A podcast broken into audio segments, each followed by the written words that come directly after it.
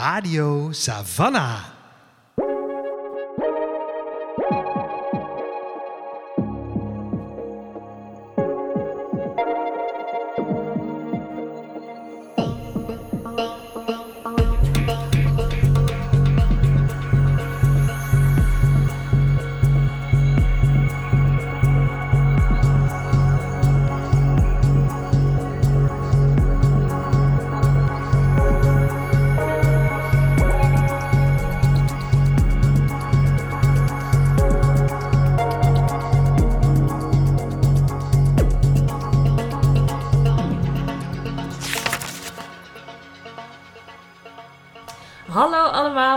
Welkom bij een nieuwe aflevering van Radio Savannah, de podcast van Boekwinkel Savannah B. Ik ben Suzanne En ik ben Lola. en Savannah B is een onafhankelijke boekwinkel in het centrum van Utrecht. Wij zijn gespecialiseerd in feministische literatuur.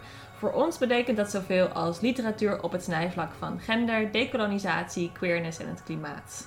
En in elke aflevering van deze podcast zetten wij een boek, een persoon of een verhaal in het zonnetje waarvan wij eh, vinden dat die, eh, een, diegene een eh, plek in de spotlight verdient. Mhm.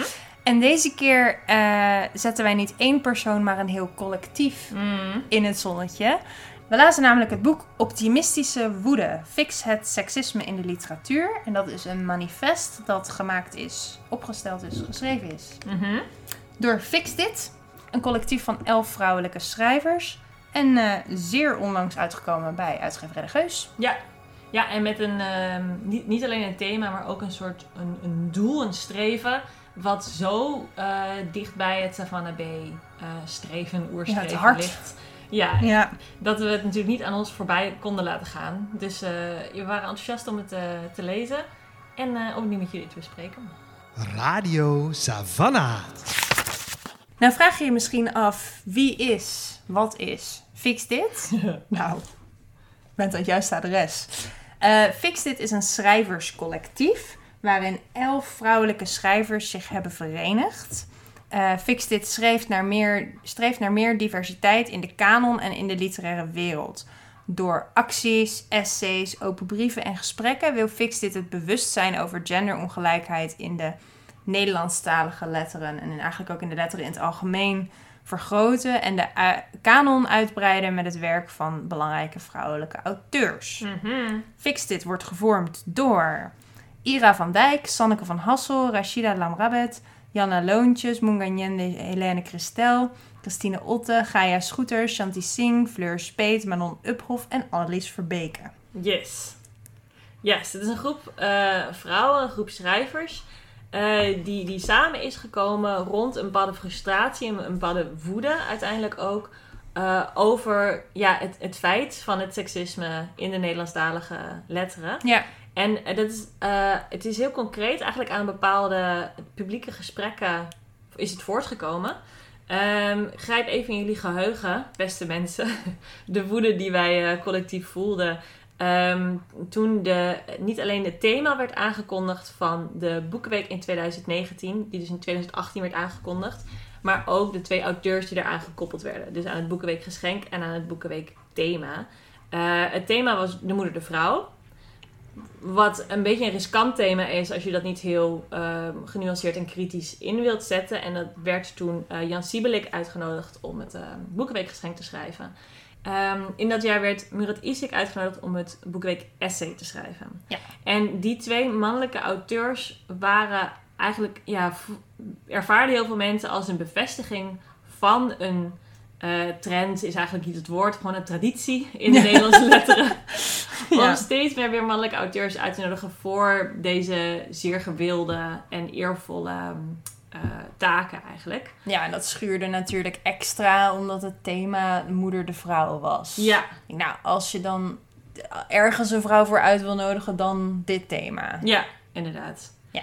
Daar zijn we toen met z'n allen een tijd boos over geweest. Maar wat nou zo mooi is, is als mensen boos zijn, dat ze dat dan ook omzetten in een beweging. Dus dat je niet een moment laat zijn, maar dat je denkt, we gaan deze energie pakken, we gaan deze woede omzetten in een vuurtje. Eh, waarmee we eh, ja, een, klein, een klein revolutietje eh, Ja. in stand of tot op gang kunnen brengen. En dit was een van de, van de aanleidingen voor, voor Fix Dit. Maar er waren meer incidenten in de publieke sfeer die dat vuurtje verder aanwakkerden.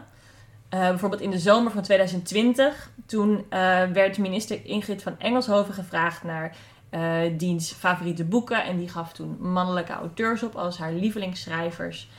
En dat leidde dan weer tot een open brief in het NRC Handelsblad. Eh, er zijn gesprekken geweest na de, de publicatie van het werk van Carina Kolen. Die schreef Dit is geen vrouwenboek, de waarheid achter man-vrouw verschillen in de literatuur. Waarin ze allerlei computationele eh, analyses ook doet van welke boeken het meest gewaardeerd worden, welke mensen de meeste prijzen krijgen, welke boeken er het meest op de leeslijsten staan, et cetera. En daar kwam keer op keer, werd weer bevestigd inderdaad, de Nederlandstalige letteren is gewoon een mannenbolwerk al heel lang. Ja, en dat witte, is- een witte heteromannenbolwerk Ja. specifieker, maar ja, Ja, en het is gewoon nog steeds niet eh, aan, het, aan het afbreken. nee. En wat nou cool is, we zullen alles linken, waar, al die gesprekken Mhm. en, en de, de website van Fixit kan je ook heel veel terug van vinden. En wat dus cool is, is dat je wel ziet dat zo'n geheven vuist en, en veel herrie maken op allerlei manieren ook effect kan hebben. Dus een van de eh, consequenties van de acties, met name rondom het Boekenweekgeschenk en het Boekenweek-essay, is dat er met de CPMB, de organisatie van die achter de Boekenweek zit, is afgesproken dat de komende tien jaar zowel de geschenken als de essays gelijkelijk verdeeld zouden worden onder mannen en vrouwen. Ja. En dat is wel een mooi voorbeeld van, nou ja, een heel concreet, positief effect van eh, collectief in actie komen. Ja, ja, zeker inderdaad. Nou vraag je je misschien af, goh, wat staat er in een manifest eigenlijk? Ehm, dus eh wij dachten, we lezen hem even voor. Het is niet lang, zoals het een goed manifest betaamt. Ehm, en wat misschien goed is om te weten, is dat dit boek opgebouwd is uit zowel het Fix Dit Manifest als verschillende ja, korte hoofdstukken, bespiegelingen, essays, Brieven. brieven eh, van de betrokken schrijvers over nou ja, de thema's waaraan, eh waaraan Fix dit probeert te werken en de problemen die ze proberen op te lossen. In het midden van, van het boek, het hart van het boek, is het Fix dit manifest. En daarin hebben de schrijvers eigenlijk puntgewijs verzameld waar ze voor staan, hun, hun principes, op basis waarvan eh, nou ja, alle acties uitgevoerd worden en alle, alle publicaties, et cetera, et cetera. En om je een idee te geven en om misschien ook een vuurtje aan te wakkeren, Hm. lezen we dat even voor. Het Fix Dit Manifest. Wij schrijvers zijn eenlingen. Samen kunnen we verandering teweegbrengen. Wij zijn geen concurrenten, wij zijn bondgenoten. Leven onze ritselende, wapperende revolutie. Op naar een diverser literair palet. In het strijden voor meer stemmigheid in de literatuur en het literaire veld vinden wij onze kracht en onze vrijheid. En dan tussen vierkante haakjes in hoofdletters. Het haalt de kracht er een beetje uit. maar ik wil het recht doen. Ik wil het recht doen. De opmaak heeft veel Ja, de opmaak. kansen. Er Dus zit een hele coole opmaak bij. Ja. Oké, applaus. Steunbetuigingen, box, high five. Oké, nu zijn de haakjes weer dicht. Literatuur is een vrijplaats. Laat in de literatuur alle stemmen van uiteenlopende gender, culturele en sociale achtergronden klinken. We noemen de namen van schrijvende vrouwen en blijven die namen noemen. Canoniseren doe je samen. Welkom, welkom. Met plezier en trots nodigen wij iedereen uit om namen van vrouwen te noemen en te blijven noemen, tot ze niet meer te negeren zijn. Waarschuwing. Te weinig literatuur lezen van vrouwen kan leiden tot mentale armoede, blinde vlekken in het dagelijks leven, een raar eenzijdig mensbeeld en een ernstig tekort aan kennis over de, over de wereld. Termen als vrouwenliteratuur, queerliteratuur of migrantenliteratuur verraden waar de macht ligt. We willen niet dat vrouwen meer macht krijgen dan anderen. Het gaat ons om radicale gelijkwaardigheid en erkenning van iedereen. Dus, de kanon kan en moet diverser. Wij maken onszelf niet langer klein. We zijn niet langer bang om ruimte in te nemen. Maar, zeg, luister, ik had er nog nooit zo over nagedacht. Ik las gewoon ook boeken van vrouwen, geloof ik, soms. Een vriendelijke herinnering, literaire kwaliteit is geen objectief gegeven. De lat waarlangs je literatuur meet is ook het resultaat van je literaire opvoeding. Wat je te lezen kreeg en wat niet. Wij zijn niet per se vrouwen, we zijn schrijvende mensen en vrouwenboeken bestaan niet. We onderzoeken de geëikte manieren van kijken, van lezen waaraan we met z'n allen zo gewend zijn geraakt. Nee, we willen geen schuldigen aanwijzen. Nee, niet onszelf als slachtoffer presenteren. Wel, we gaan nu rustiger praten, wijzen op machtsverhoudingen en blinde vlekken die ons allen sturen en schaden. Literatuur heeft in zichzelf een bevrijdende, ja, een subversieve kracht die we in de neoliberale red race wel eens over het hoofd zien. Alles, maar ook echt alles, kan en mag worden bevraagd. In literatuur kan je iedereen zijn. En trouwens, literatuur is voor dagelijks gebruik, adem, nodig om te overleven. En voor iedereen. We pleiten voor meer onderzoek naar de andere helft van de geschiedenis. Wij dus. We beschouwen zowel mannen, vrouwen als iedereen daartussen of daarnaast als individuen die, daar, die dwars door die groepen heen banden kunnen smeden. Individuen die niet door hun geslacht wensen te worden gepositioneerd, maar op hun eigenheid moeten worden gewaardeerd. Dank u. We willen schrijven over alles, over alle onderwerpen. Geen enkel thema of perspectief, geen enkele leefwereld is taboe.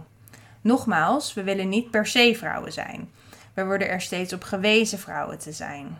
Nu zeggen wat jullie wel willen. We willen met een onbevooroordeelde blik gelezen worden. Open ramen, lucht, licht, daglicht, nachtlicht. Fix dit. Leeslijsten op scholen kunnen voor minstens de helft uit boeken bestaan van vrouwen en of LHBTQIA+'ers. Breid uit, vul aan, niets staat u in de weg. En ja, lesmateriaal over literatuur zou culturele, sociale en genderstereotyperingen mogen uitdagen en bevragen. Ook even fixen. Literatuuronderwijs verdient een belangrijker plek op scholen. Literair leren lezen en beschrijven is essentieel voor ieders menswording. Empathischer vermogen en creativiteit. Leer nu vrijer denken en kijken. Om op de muur te schrijven. Samenwerking staat onze autonomie niet in de weg. Wij schrijven, weldadig geluid van vrolijk krassende pennen en tikmachines. Wij, wij. Wij zijn samen en eigen en veelstemmig onszelf. Tadaa! Er zit dus een typografie in, mensen. Dus als het vaag klonk, dan komt het daardoor. maar het geeft wel, eh, denk ik, een overzicht van... Of een gevoel in elk geval van de eh, breedte eigenlijk. Ja. Waarin, waarin Fix dit, eh, dit probleem aanvliegt. Mhm. En ook van wat ik wel een hele interessante move vind die ze maken, namelijk het collectief. Dus ze starten met schrijvers zijn eenlingen.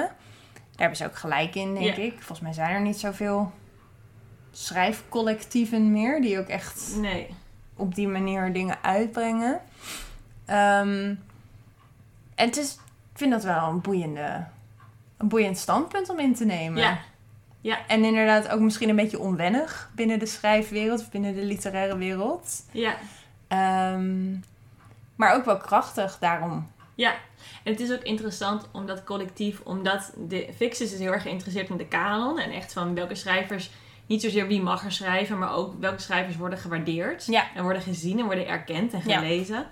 Om, dat is natuurlijk, eh, die kanon gaat heel erg uit van een soort verheerlijken van bepaalde individuen inderdaad. En zij zetten zich daar tegenover echt als een collectief van wij zijn niet één groep vrouwen, één homogene groep vrouwen, maar wij zetten ons juist als collectief, hoe heterogeen we zijn, al die verschillende stemmen. En toch zijn wij solidair in dit ja, project, in deze beweging. Ja, en-. En proberen ze elkaar ook niet te overschreeuwen of Nee. te overstemmen. Nee, En dat is wel mooi, vind Ja. ik. zeker. En het geeft ook een beetje, er zit natuurlijk best iets een soort utopisch in. Mm. Het boek heet ook Optimistische Woede. En het zit ook een beetje ook in die naam van Fix Dit. Alsof van nou, het is een probleem. Laten we het even Let's oppakken. Laten we het gaan doen. We gaan het samen doen. We staan hier samen in. Er is geen hommeles, zeg maar, ehm, eh, binnen deze groep. We zijn een collectief. Wij steunen elkaar. We gaan dit gewoon aanpakken. Hup, vanaf nu. Boekenweekgeschenk. Man, vrouw, om en om. Ja, We gaan het gewoon nu oppakken en, en aanpassen. ja, Die vibe heeft het heel Ja. erg. ja. Beetje hands-on. eh. Ja. En ook wel, er is denk ik een argument wat je kan maken om te zeggen: oh, maar dit gaat de representatie van, van vrouwen eh, in de literatuur gaat aan de poort al mis bij wie er Mhm. überhaupt een boek uit mag brengen. Mhm. En dat is waar. maar dat is niet waar dit boek Nee. over gaat. Dus zij kiezen er echt voor om zich in. Al is het. Er zit heel veel in dit boek. Ze kiezen er echt voor om zich te focussen op wat gebeurt er als je eenmaal. Dus aanhalingstekens schrijver bent. Dus Ja. als je een contract hebt getekend, een boek op de markt hebt. En dan? Welke structuur zit je dan in en waar loop je dan tegenaan? Ja, en niet eens zozeer jijzelf, maar echt jouw boek. Ja, Wordt jouw boek wel Ja. niet gelezen en Ja. gewaardeerd en bekroond. ja. Dat is wel op een gekke manier een focus. Ja. Terwijl het ook nog weer heel groot en heel uitwaaierend kan zijn. Ja, Eh, maar ik denk dat ze daar wel een. eh, ja. ja het is ook wel een, een dimensie van het, het probleem, zeg maar, van seksisme als probleem, dat je best wel goed op kan pakken. Dat Ja. je best wel goed aan, kan veranderen. Misschien is snel. dat het. Het voelt behapbaarder dan zeggen: Oh, ik moet de hele Ja, uitgeverijenwereld ja. herzien in mijn eentje als schrijver. Ja, of hoe is het seksisme ingebakken in de Nederlandse taal? En moeten we dan, weet je, wat voor aanpassingen moeten we daaraan doen, inderdaad? Dat is niet per se wat dit project is. Nee, Dit, is- ja, het is echt, fix dit. ja. Hup. En waar ze dan dus onder andere mee aan de slag zijn gegaan en, en blijven gaan, is dus, eh, nou ja, waar we het al over hadden, de representatie van Mhm. vrouwen ehm, in de nominatielijst en de uitreikingen en het winnen van literaire prijzen, eh, het Boekenweekgeschenk, waar we het al eerder over hadden, maar ook wie wordt er wel en niet gerecenseerd. En in het verlengde daarvan, wat wordt wel en niet gezien als literair? Ja. Dus hoe wordt onze smaak gevormd? En op basis waarvan bepalen wij wat wel en niet goed is? Ja. Eh, wat, wat wel en niet tot de, de literatuur met een hoofdletter L Ja, gerekend wordt. En het zijn allemaal, allemaal ook eh, thema's die op elkaar inhaken. ja, Eh, want hoe onze smaak gevormd wordt, wordt natuurlijk weer deels bepaald door wat wij in onze kanon, onze literaire kanon, toelaten. ja. Wat weer nou ja, aan dezelfde structuren onderhevig is als, eh, als heel veel andere dingen. Ja. En, in het, waar, en de vorming van de kanon beïnvloedt weer het, lees, het leesonderwijs. Ja, Wat je voor je lijst mag lezen op de middelbare school. Leesplezier, leesbevordering onder, voor kinderen en jongeren. Wat dan weer een sneeuwbaleffect heeft richting eh, wie wordt er wel en niet gelezen. ja. Ja, Snap je? ja, inderdaad. Dus dat, dat, dat laat het wel zien ook. Dat, dat, je, eh, dat het een soort weerwar is van, van in elkaar hakende Ja. problemen. Ja, en wat ze dus steeds doen vanuit die soort fix dit mentaliteit of, of eh, perspectief, is dus ook telkens, bij, telkens als we bij zo'n probleem komen, ook gewoon zeggen van nou, deze groep mensen kan nu hier bijvoorbeeld aan gaan werken. Ja. Dus de CPMB kan er gewoon voor kiezen om te zorgen dat ze in ieder geval om de beurt een vrouw aan het woord laten. Leraren, docenten kunnen er gewoon voor kiezen om de leeslijst die ze aanbieden te veranderen. Ja. Om boeken van vrouwen meer onder de aandacht te brengen, zodat leerlingen dat meer gaan lezen. En ook heel duidelijk naar de, de lezer toe.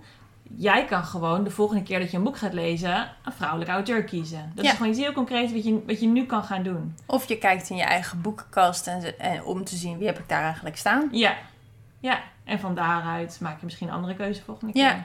En ze zijn heel stellig ook in niet. Het gaat er niet om dat de gevestigde orde, noem ik het maar even. Dus de, de, Ja. de eh, established mannelijke witte schrijfclub. Of de gevestigde kanon dat dat slecht is. Of dat die geen. eh, dat die die prijs niet verdiend zouden hebben. Of dat die dat je die nooit meer moet gaan lezen. Dat is een afweging die je voor jezelf mag gaan maken. Als jij zegt, ik sla nooit meer een boek van de witte, witte man open, be my guest. Maar dat is niet wat dit boek zegt. Dit Nee. boek zegt niet, ik wil nu niet... Die wil wat dat betreft niet mensen in een hoekje duwen of zo. Die wil gewoon Nee. zeggen, hey, Het is niet eerlijk. breek je eigen patronen even Ja. open. Het is niet eerlijk. Eh, laten we daar wat aan gaan doen. Ja. Zodat we met, met elkaar in evenwicht... Ja. op een gelijkwaardige manier door kunnen. Ja. Ja, het is best een, in die zin, ja, dus een optimistisch soort activisme eigenlijk wat ze voorstaan. En daardoor ook wel, dat geeft wel wat, wat rust en ademruimte. Want je Mhm. wordt boos doordat het over seksisme gaat. Maar je kan, gelijk, je kan die boosheid gelijk ergens toe oprichten. Ja, Eh, en dat is wel een, een fijne leesvibe. En ik denk ook een, een vibe die zo'n beweging gaande kan, kan houden. Die Ja. het eh, duurzaam maakt, inderdaad. ja. tegelijkertijd merkten wij ook wel een beetje, we hebben het van tevoren hier een beetje over gehad, dat we ehm, gewend zijn dat dergelijke bewegingen of iets radicaler zijn of iets ehm, specifieker zijn in de veranderingen die ze, die ze voorstaan. Ja. En dat komt voor een heel groot deel, denk ik, omdat wij in een bepaalde Savannah B-bubbel zitten. Ja. Ik, ja, ik denk dat Savannah B'ers hebben niet het probleem dat je naar je boekenkast kijkt en dat je oh, er staan alleen maar witte mannen. Dat is, ja, dat is niet iets... eh, ja, daar hoeven we ons niet schuldig over te voelen, want dat is Nee. gewoon niet het geval. Nee. En het idee dat er seksisme bestaat, ja, is niet per se een openbaring, denk ik, voor Nee. veel mensen die bij Savannah B komen of werken. Eh, en dat is dan deels ook wel, zo'n boek is ook wel een mooie ehm, herinnering voor mezelf ook. Dat omdat het voor jou geen probleem is, omdat jij een soort chosen family hebt gevonden voor, die er allemaal hetzelfde in staat. Dit is een beweging die nog steeds in heel veel plekken op het land met heel veel hoon wordt ontvangen, Ja. niet serieus wordt genomen, wordt in, in twijfel getrokken, et cetera. Dus het is ook een mooie herinnering gewoon eventjes over hoe, hoe ver we nog niet zijn. Ja, helaas. Ja, En tegelijkertijd is dit boek, dit pamflet eigenlijk, wat het, wat het is, niet, ehm, niet per se heel druk bezig met kijken van, goh, wat is er al voor ons Mhm. gedaan op het gebied van het aankaarten van dit soort problemen? Welke stemmen hebben zich daar al over uitgesproken? Mhm.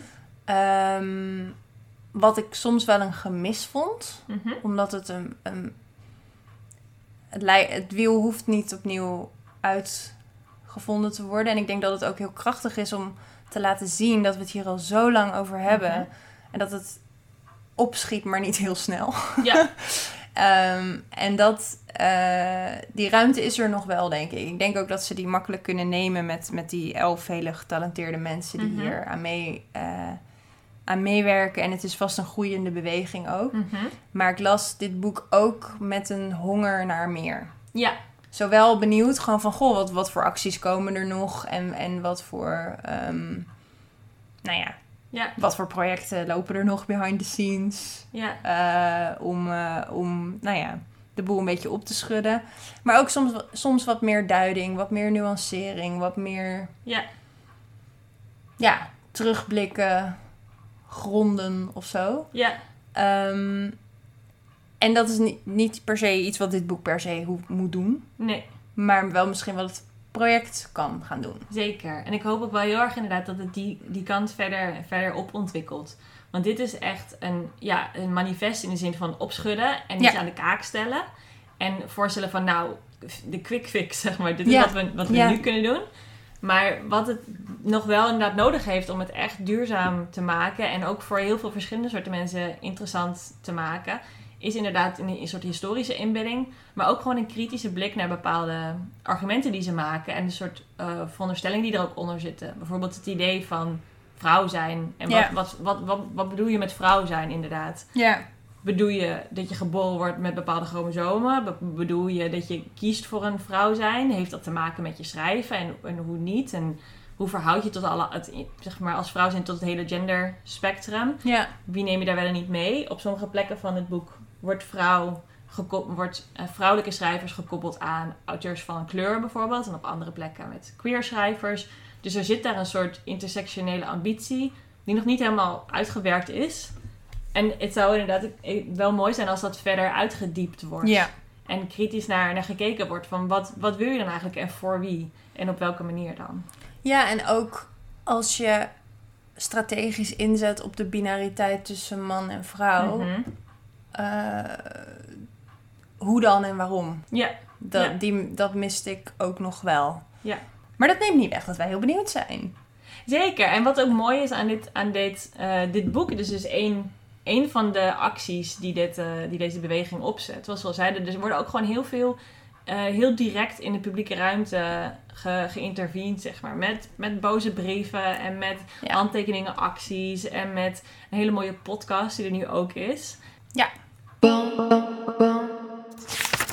Wat een eh, groot thema is in het boek, waar wij als boekwinkel erg op aan eh, gingen, is ehm, het, eh, het benadrukken van het belang van het kennis maken met vrouwelijke schrijvers. Dus het aanraden van vrouwelijke schrijvers, het namensbekendheid geven, het delen van de verhalen van vrouwen die er al zijn. Zowel van 500 jaar geleden Mm. als van vorig jaar, bij wijze van spreken. Mhm. Eh, omdat dat gewoon via de soort van reguliere, traditionele mediakanalen heel vaak niet of nauwelijks gebeurt. En Fixit heeft een aantal, eh, nou, enige oplossingen wat mij betreft Mhm. eh, gevonden om, om, te, om dit in gang te zetten. Ehm, en, één, en die zijn allemaal super nuttig. Ook omdat wij in de boekwinkel, maar überhaupt, eh, we nog wel eens horen eh, van mensen van... Ja, ik wil wel meer vrouwen lezen, maar dan weet ik eigenlijk niet wie. Of waar ik moet beginnen, of wat dan ook. En Ja. Fixit dacht, weet je wat, dat gaan wij ondervangen. En wij gaan gewoon een paar handige lijstjes geven. Zodat mensen een aanknopingspunt hebben. En één manier waarop ze dat doen is door eh, een van de collectiefleden, Munganyende Helene Christel. Die heeft een essay geschreven. Dat heet Stemmen die je moet kennen. Nou, Mhm. dat wint er geen doekjes om. en daarin eh, haalt zij allemaal voorbeelden aan van boeken die je zou moeten lezen. Verhalen die je moet kennen, stemmen die je moet kennen. Ja. Eh, veel ervan zijn eh Savannah B. Yes. nou, celebrities. Eversellers, Fans, ja. eversellers. Een paar voorbeelden zijn All About Love van Bell Hooks. Mhm. Kaleidoscopische visies van Gloria Wekker, Nancy Jouw en Maaike Botman. Maar ook eh, Liberté, Égalité, Beyoncé. Eh, een boek dat vorig jaar uitkwam en is samengesteld door Moenga en Helene Christel. Ehm, en dat is eigenlijk al in, in een soort van notendopje. Een aantal hele mooie, misschien originele, voor jou nieuwe eh, boeken. Ja. Waarvan je er dus veel kan vinden in boekwinkels van de B in Utrecht. Ja. Een ander mooi project is de Fix Dit podcast. Een eh, podcastproject eh, in samenwerking met De Gids, waarin moderne klassiekers worden besproken, geschreven Ja. door vrouwen. Ik uit mijn hoofd van de afgelopen 100 jaar. Zoiets. Dus van echt- ja, ja, 20e eeuw. heb ik in mijn 20e hoofd. eeuw. Ja. Eh, dus boeken van Virginie Loveling, B.F. Vianen, Mary Dorna, Andreas Burnier, Mhm. et cetera. En dat is heel leuk als je inderdaad, nou, of eh, nog voor je lijst aan het lezen bent of terugdenkt aan, goh, wat heb ik eigenlijk geleerd over de Mhm. Nederlandse kanon in mijn leven? Wie heb ik daar waarschijnlijk of misschien gemist? Ja. Ehm, en dan krijg je een soort opfriscursus die hopelijk ook inspiratie biedt voor, eh, om eh, inspiratie en context, denk Ja. ik, om, eh, om te gaan lezen. Ja, want dat is denk ik ook, als je nou denkt van, goh, ik zou wel eens ehm eh, inderdaad BFVA'nen willen gaan lezen, maar ik weet niet zeker dat het voor mij is, omdat het boek te kopen is, zonder wat ik weet, kan je eerst lekker de podcast luisteren. En als je denkt, hé, hey, dat spreekt me inderdaad aan, dan kan je lekker het boek gaan lezen. Ja. Dus dat is een mooi opstapje ook. Ja, precies. En dan, ja, mijn persoonlijke favoriet Ja, van dit lijstje Heel leuk. ehm, is... Oké, stel je dit boek even voor. Ja. En dan, dus je ziet een papier en dan onderaan, wat een beetje de voettekst is, staat het hele boek lang, dus eh, nou, 100 pagina's, 130 pagina's lang, allemaal namen van vrouwelijke schrijvers. Ja. En dus allemaal verschillende. Ehm, uit allerlei hoeken van de wereld, uit allerlei tijdperken, uit allerlei, van allerlei achtergronden. En die hebben ze opgenomen in dit boek om en bekendheid te geven, maar ook om dat gevoel van collectiviteit, van delen, van Ja. eh, bondgenootschap te versterken. Mhm. Dat vond ik echt extreem effectief. Heel erg. Ja, en ik en merk- heel leuk ook. Heel leuk. Ja. Ik merkte ook dat mijn oog er steeds weer naar, naartoe getrokken Ja. worden. Toch even te kijken. Want het is op een gegeven moment natuurlijk een beetje woordenbrei. Je ziet gewoon allemaal letters achter elkaar staan. En Ja. er zit geen narratieve waarde in. Het zijn gewoon allemaal namen achter elkaar. Maar toch merk je inderdaad van... Oh ja, natuurlijk, die schrijven. Oh ja, god, die Ja. inderdaad. Of namen waar ik nog nooit van gehoord heb Ja. ook. Waarvan je dan denkt, die moet ik misschien een keertje gaan googlen. Ja. ja, het werkte heel goed. En deze hebben geen context, dus het is Nee. helemaal aan jou om, eh, om eh, te kijken wat je daar verder mee doet. Ja. Eh, maar wel echt een superleuke vinding en ook nou ja, een illustratie van hoeveel mooie stemmen er al zijn. Ja, en gelijk ook een soort middelvinger naar dat argument van... Ja, maar we, wie, er zijn Wie vrouwen Ja, we kunnen ze niet boeken, we kunnen ze niet vinden. Hier zijn ze allemaal. Begin, ja. Honderden pagina's, honderden namen achter elkaar. Ja, Ja, er is geen enkel excuus. nee. Nee. Ja, heel leuk Punt. gedaan. Ja, en toen dachten wij, in navolging van, eh, van Fix Dit gaan wij ook even nog wat vrouwelijke schrijvers aanraden. Ja, Ehm, dat gebeurt in Savannah Bay heel vaak. ja zeker. Eh, dus we hadden een hele lange lijst om uit te kiezen. Maar we dachten, goh, wie zijn nou schrijvers eh, die ons eh, na aan het hart liggen, die ons gevormd hebben misschien Mhm. ook wel. Ehm, en die zetten we in het zonnetje. Ja, leuk. Ik zal, eh, ik eh, bijt het spits af met een naam die ook is opgenomen in Fix Dit. En mijn, denk misschien na Astrid Lindgren, mijn eerste boekenheldin. Ja. Eh, namelijk Thea Beckman. Ik was vroeger een heel groot Thea Beckman fan. Ik, ja, iedereen kent Thea Beckman toch wel? Moet ik nog Ik denk, ja, daar iets over zeggen? Ik denk die kamer is nog wel zover dat we ja, het bestaan van Thea, Thea Beckman. Beckman. Thea Beckman, bekend kinderboekenschrijfster. van eh, jeugdklassiekers als Kruistocht in Spijkerbroek, Kinderen van Moeder Aarde, eh, Hasse Simons dochter. Oh, heel veel meer. Echt heel veel. Mhm. Ik heb ze allemaal gelezen. Ik heb Mhm. ze ook allemaal in mijn bezit. En hoe ik, ik heb ze niet allemaal recent gelezen. Dus misschien ben ik nu onzin aan het verkopen. Maar ik smulde vroeger echt van die boeken. En veel, in heel veel zitten eigen gerijde, coole meisjes, Mhm. jonge vrouwen.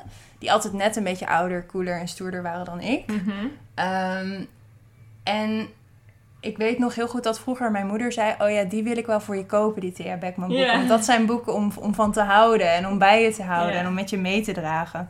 Dus ik heb in mijn boekenkast thuis nu een hele stapel Thea Beckmans liggen... met dan voor je overgang van groep Ah. 5 naar groep 6 erin geschreven door mijn moeder. Ehm, en volgens mij, ja, het heeft mij heel erg gevormd als lezer. Ik vond die geschiedenis, ze zit heel erg in de historische boeken natuurlijk. Die vond ik altijd super interessant. En het maakte mij een lezer ook omdat het best wel taaie kost was. Ehm, lang, gedetailleerd, Ja.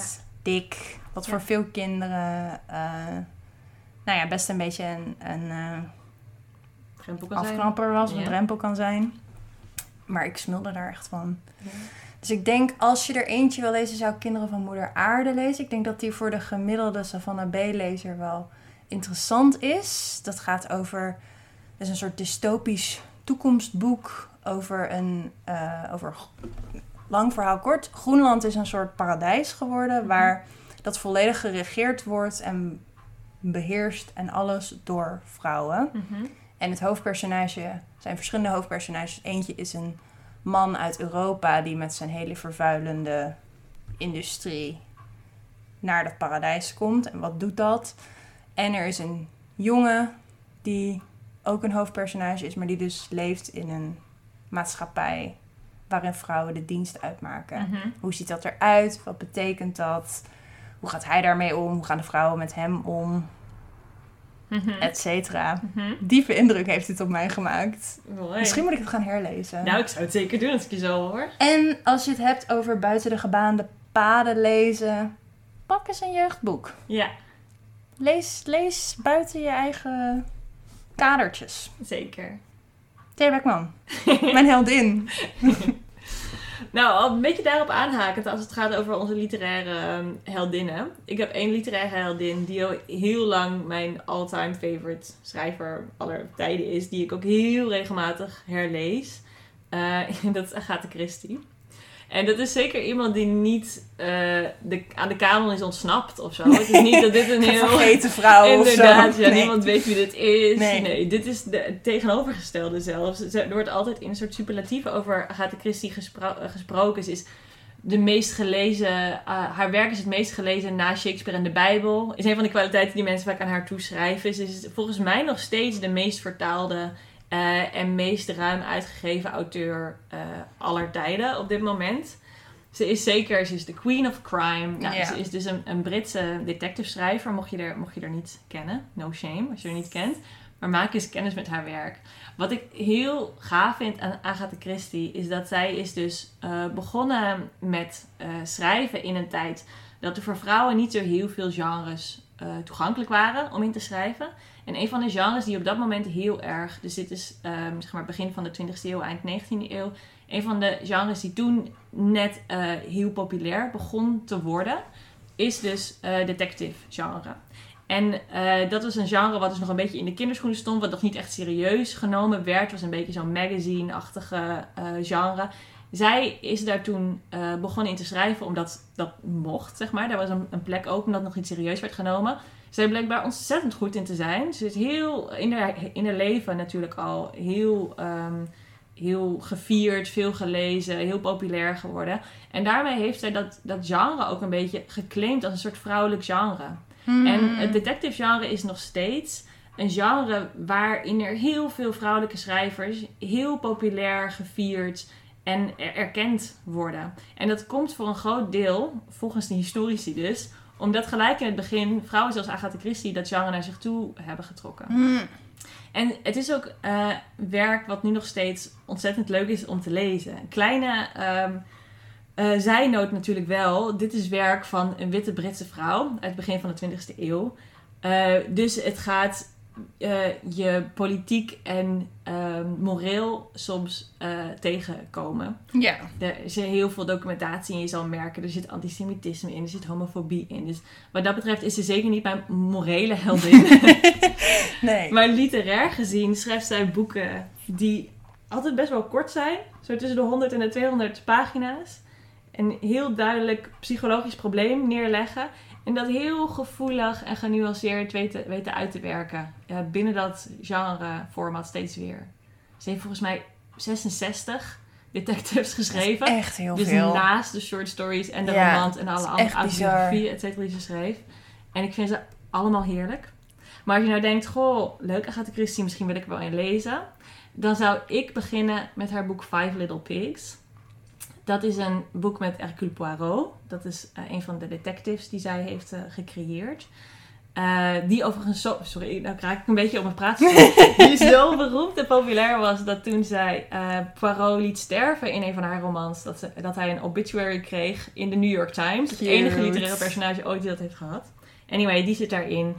Die duikt in een moord van het verleden waarin er ehm, een, een man is vermoord eh, door zijn jaloerse vrouw. Of is dat wel zo?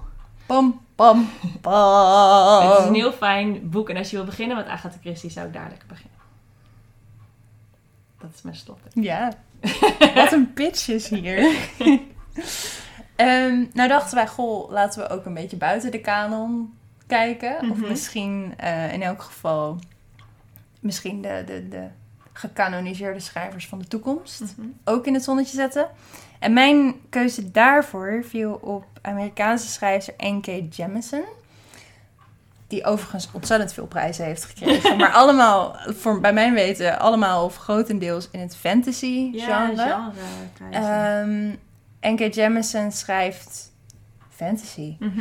Ehm, en wat ik heel cool aan haar vind, is dat zij een genre wat toch vaak iets escapistisch heeft. Of iets, ehm, nou ja, waarmee je je dus letterlijk even in een andere wereld kan wanen.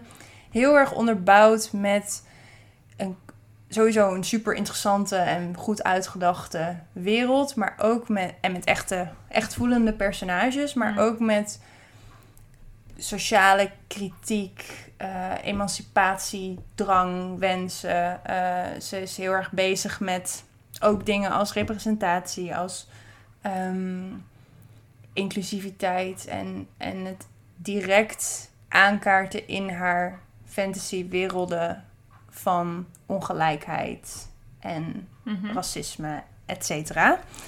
Ehm, en maar dat doet ze niet. Dat, wat ik daar heel knap aan vind, is dat dat dus niet belerend voelt of bedacht. Zo van, oeh, ze heeft een metafoor bedacht. En dat gaan we nu, Mhm. daar gaan we nu lekker iets van vinden met z'n allen. Maar dat is heel erg ingebed in het verhaal, waardoor het ook heel erg natuurlijk leest of zo. Maar wel blijft hangen en ehm, ja, je bijblijft, zeg maar. En het is ook gewoon reeds spannend en interessant. en ik oh, waar zijn we nou weer terechtgekomen? En wat gebeurt hier? Wat ben jij voor wezen of persoon of, of wat dan ook? Dus dat is echt super cool. Ehm, en ook iemand waarvan ik denk, volgens mij kan je die prima voor allerhande literaire prijzen, qua stijl, qua inhoud, Ja. qua boodschap nomineren. En bij mij weten is dat nog niet gebeurd. Maar dat is een kwestie van genre en het feit dat ze een zwarte vrouw is. Ik denk dat daar een combinatie zit. Ja. Ehm, zij schrijft zelf ook veel over eh, ongelijkheid in het fantasy-genre. Dat is ook nog interessant, mocht je daar eh, meer over willen weten. Mhm. Ze heeft een essay geschreven, of een, of een kort, of een, een tekst. Mhm. Ze heeft een tekst geschreven, eh, Why is there no Black Future Month? Mm. Wat echt ingaat over waar zijn de mensen van kleur in science fiction Mhm. en in ons beeld van de toekomst. Mega boeiend. Ja. Ehm, dus lees haar als je dat nog niet hebt gedaan. Haar bekendste, of niet bekendste, maar soort van een van de meest gelauwerde trilogieën is de Broken Earth trilogie. Mhm. Maar ze heeft ook nu een nieuw boek. Yay! dat is heel exciting. Ze heeft namelijk ook een duologie geschreven. Ehm, waar, wat, waar het concept is, dus dat speelt zich af gewoon in, in onze wereld, hoe wij die nu kennen. Maar ehm, steden die heel erg groot zijn, dus bijvoorbeeld eh, New York specifiek, daar gaat Mhm. het eerste boek over. Ehm, die worden op een gegeven moment zo groot dat ze een soort beschermavatar krijgen. Ah. Dus een mens die dan een soort representatief wordt ge- gezien door de he- eh, voor de hele stad, wordt een avatar van die stad en die helpt de stad gezond te houden Oké, en levend te houden. sure. Sure. Eh, in New York gaat dat mis. Daar is niet één persoon. En dan moeten er... Ja, dat is verrassend. Eh, en dan moeten dus voor elke eh, wijk, elke borough van New York... is één persoon. Die moeten elkaar vinden. Die moeten samen... Een, een soort, nou, een soort Avengers, zeg maar. Maar dan anders. Die moeten de stad gaan redden. En dat brengt allerlei problemen met zich mee. Ehm, en boek 2, dat, het eerste boek heet The City We Became. Dat is een aantal jaar geleden uitgekomen. En nu is dus net The World We Make uitgekomen. Mhm. En ik heb hem besteld vandaag. Ik heb hem nog niet gelezen, maar ik heb er echt heel veel zin in. Mooi. Nice. En Kate Jemison. Allemaal lezen. Nou, laatste dan, eh, vrouw waarmee we jullie achterlaten, is een andere favorite of mine. Ehm, en dat is Tayari Jones. En Tayari Jones is een Amerikaanse eh, schrijver ehm, die niet heel veel boeken nog heeft geschreven, helaas. Ehm, maar ze schreef onder andere eh, Silver Sparrow in 2011 en An American Marriage van 2018. En met name die laatste Ja. eh, is er wel heel, heel beroemd mee geworden. Ook in Nederland is er wel een reuring over geweest. En natuurlijk in mijn detective heart heb ik ook opgesloten uit 2017. Toen ze eh, een boek Atlanta Noir samenstelde met allemaal eh misdaadverhalen die zich afspelen in Atlanta. Ah. Eh, hartstikke leuk, maar er zit dus maar één tekst van haar en allemaal teksten van andere schrijvers. Maar dat, die focus op Atlanta zit altijd wel een beetje in haar werk. Ze schrijft heel erg over het zuiden van de Verenigde Staten. En dan met name de zwarte gemeenschap die daar leeft, zowel historisch als nu. En wat heel mooi is aan haar werk, is dat ze. Het effect dat haar werk op mij altijd heeft, is heel vertragend. Hmm. Ze neemt menselijke personages en een bepaalde gemeenschap. En ze gaat het heel serieus nemen. Ze gaat er heel diep op in. En ze laat je precies zien hoe complex en tot in de kleinste nuances van een menselijk leven die sociale dimensies doorwerken.